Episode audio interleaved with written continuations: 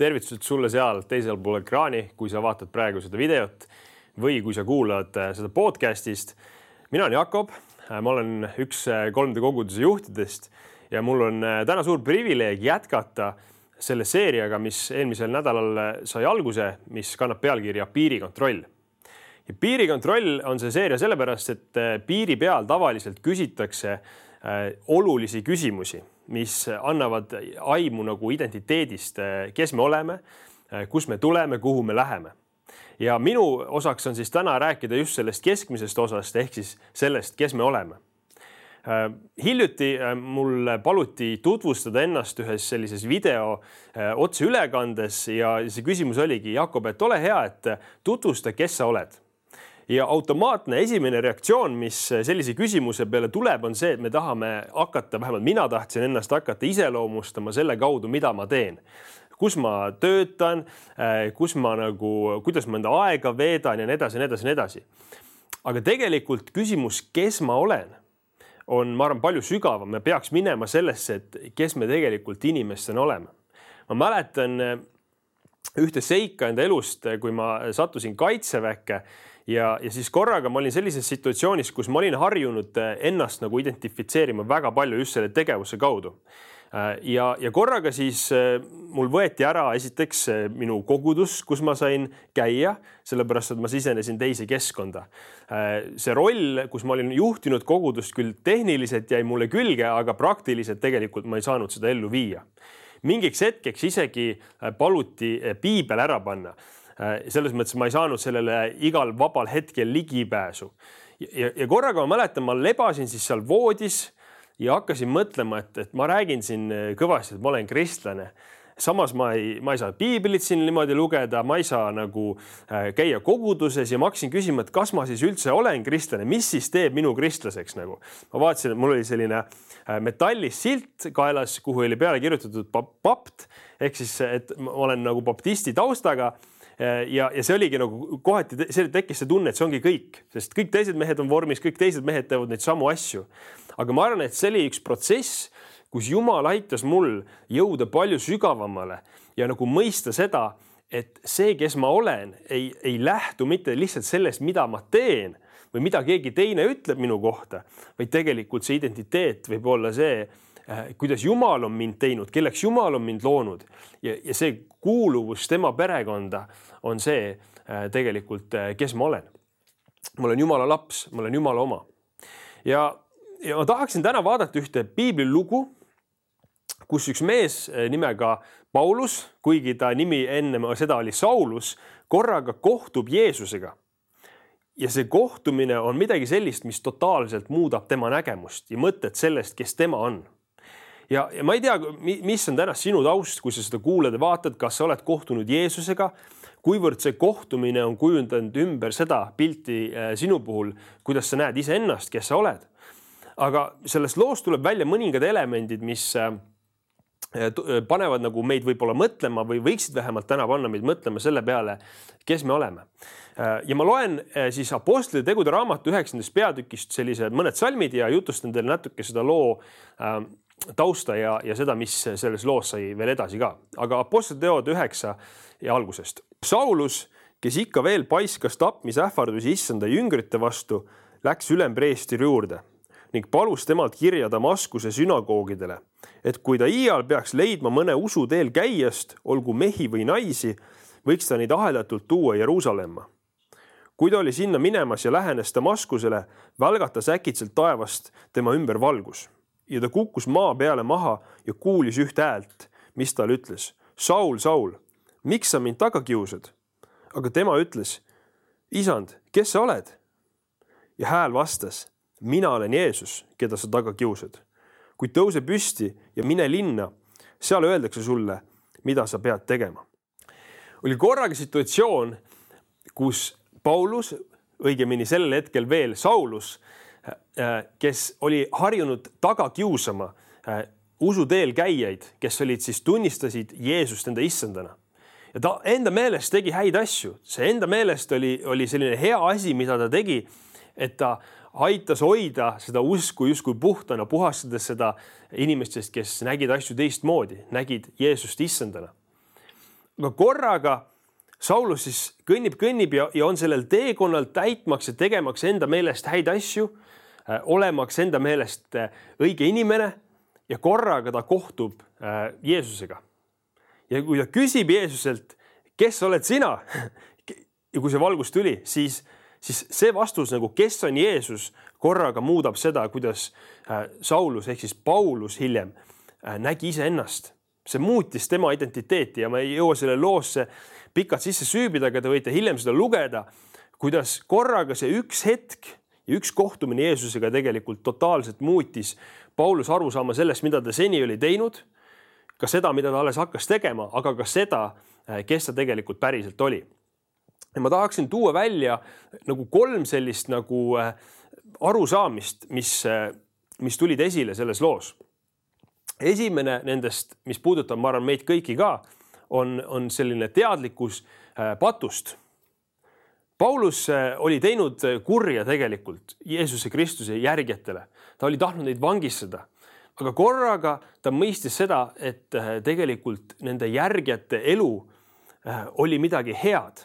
Nende järgijate elu oli tegelikult just kooskõlas sellega, mida tõeline taeva Jumal äh, igatses ja ootas. Nii et see tähendas seda, et Paulus mõistis iseenda elu patusust, ta mõistis seda, et tema on eksinud, ta on pannud mööda. Ja, ja tema sees see, kes ta on tegelikult, see loomuslik äh, olemus, identiteet on samamoodi patune loomus, see on üks osa meie kõigi identiteedist. Ja, ja ma arvan täna ka, kui me vaatame selles maailmas, kus me elame, siis äh, ega me väga palju ei taha välja näidata seda loomust, mis meie sees on patune. Me tahame panna oma Instagrami piltidesse või, või kuhugi sellise sotsiaalmeediasse tervikuna neid kõige eredamaid ja ilusamaid hetki, mis on filtrisse pandud ja, ja, ja tuleb see kõige parem esile.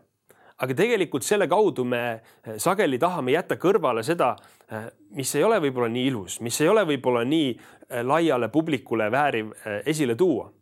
aga ometi me teame kõik et ega see, kuidas me ennast välja presenteerime, ei muuda sugugi seda, kes me päriselt tegelikult oleme. ja nii sina kui mina, me peame kõik lõpuks, päeva lõpuks vaatama peeglisse ja julgema ka nagu vastu võtta seda, mida me sealt vastu näeme. milline on meie päriselt meie mina? kuidas me asju näeme, kuidas me asju mõtleme, kas me tunnistame seda patusest või mitte aga tegelikult see on iga inimese sees. Me oleme eh, mööda pannud Jumala algsele plaanile elada eh, tema plaani pärast elu ja me oleme tegelikult eksinud Jumala vastu ja see patune loomus on midagi, mis meid iseloomustab. aga see ei pea jääma ainult selleks patuseks loomuseks. Jeesus ei ole tulnud ainult selleks, et öelda, et sa oled patune. see on stardipunkt, kus tegelikult me mõistame enda vajadust Jumala järgi aga see lugu läks edasi ja Jeesus ei lasknud Paulusel mitte jääda sinna maha pikali, pimestatult, vaid ta tegelikult äh, laskis ümber pöörata Pauluse elu ja see on see pöördumishetk, see on tegelikult see kristlaseks saamise kujunemise hetk. Äh, mina kasvasin üles äh, sellises perekonnas, kus meie perekond juba algusest peale, kui mina oma, oma mõtetes tagasi lähen, tundis Jeesust kui issandat. ja, ja tead see on väga suur privileeg olnud. aga ometi ka minu elus oli viieteistaastasena üks selline hetk, kus ma sain aru, et lihtsalt sellest ei piisa, et ma tean, et Jeesus on issand, vaid piisab ka sellest, et ma pean hakkama elama oma igapäevaelu selliselt, et ma asetan Jeesuse äh, enda elus esimesele kohale ja, ja, ja ma olin ühes, ühes sellises laagris, kus äh, ma pidin jagama tunnistust teistele ja, ja korraga ma sain ise aru, et, et tegelikult võib-olla minu tunnistus on küll paberil olemas, aga, aga tegelikult see on veel välja elamata päriselus ja, ja, ja minu sees toimub selline pöördumine, muutumine, kus ma ütlesin, et mitte ainult ma ei usu Jumalasse, vaid siit edasi ma tahan äh, panna Jeesuse enda elus esikohale. ja jällegi ma pöördun sinu poole seal äh, teisel pool ekraani kui sa oled ka mõistnud seda, et sinu elus on puudused, siis kuhu Jumal sind juhtida tahab, on tegelikult sellesse pöördumisse, kus sinu elu võib mitte jääda selle patu keskseks, vaid, vaid muutuda Jumala keskseks. Ähm, ja tõesti, ükskõik, mida sa oled teinud, ükskõik kui suur on see patukoorem, äh, mis on sinuga kaasas olnud, äh, Jumal võib anda sulle uue tuleviku, teistsuguse nägemuse elule ja ma ja kutsun sind nagu üles täna ka, kui sa ei ole veel teinud enda otsust Jeesuse kasuks, pöörduma Jumala poole ja tunnistama teda enda elus issandana, tunnistama nagu Paulus tunnistas, ütles, et Jeesus, tegelikult sina oled see ja me kohe loeme äh, natuke hiljem, kuidas Paulus äh, hiljem oma elule tagasi vaatab ja ka sellele sündmusele. aga see on võimalik koht, kus sa võid muuta ka seda, kes sa oled tegelikult. Äh, mitte ainult jääda selleks, selleks patuseks inimeseks, vaid tegelikult pöörduda. Aga kuhu me siis pöördume või mille suunas me pöördume? Äh, ma loeks siin edasi äh, siis Pauluse sellise sõnad, mida ta toob esile äh, kirjas Philippi kogudusele kolmandas peatükis alates seitsmendast salmist. kuid mis mulle oli kasuks, seda ma olen arvanud kahjuks Kristuse pärast. jah, enamgi, ma pean kõike kahjuks issanda Kristuse Jeesuse kõike ületava tunnetuse kõrval. tema pärast olen ma minetanud kõik selle ja ma pean seda pühkmiks et saada kasuks Kristust ja et mind jälle leitaks tema seest ega oleks mul oma õigust, mis tuleb seadusest, vaid see õigus, mis tuleb Kristusesse uskumisest. see, mille Jumal annab usu peale. ma püüan ära tunda teda ja tema ülestõusmise väge ja tema kannatuste osadust, saades tema surma sarnaseks, et ma kuidagi jõuaksin ülestõusmisele surnuist. ja mida tegelikult äh, Paulus siin välja toob, ongi see, et, et ei ole toimunud mitte ainult patt ja sellest arusaamine ei ole ainult mitte pöördumine, vaid on tulnud esile ka pääste. ja see on see, mida Jumal pakub meile, mis ei ole pääste mitte lihtsalt selle nagu sellises, selles elus siin, mis me näeme mingisuguses konkreetsest olukorrast, millest ka Jumal võib välja tõmmata. aga see on pääste, mis puudutab igavikku ja ka seda identiteeti, kes me oleme, milleks me oleme loodud Jumala poolt. igavikuks elada koos temaga ja minu igatsus on see, et sa võiksid mõista seda, et, et Jumal tahab sind juhtida patust pöördumise kaudu päästele, kus sul võib olla elu temas ja seda ülirohkesti. teadmine see, et inimene ei ole loodud mitte ainult maiseks eluks siin, vaid me oleme loodud tegelikult igavikuks, peaks asetama meid teistmoodi vaatama seda, kes me oleme, kuidas me tegelikult äh, seda elu näeme ja, ja kindlasti järgmises korras äh, tuleb rohkem, rohkem sellest ka juttu, kuhu me läheme ja seda ka igavikulises mõttes. aga ma tahaksin sind lihtsalt panna mõtlema sellele, et, et kui me ka mõistame seda, et me oleme igavikulised olendid, siis tegelikult võib ka muutuda see, kuidas me äh, oma elu elame äh, nüüd ja praegu.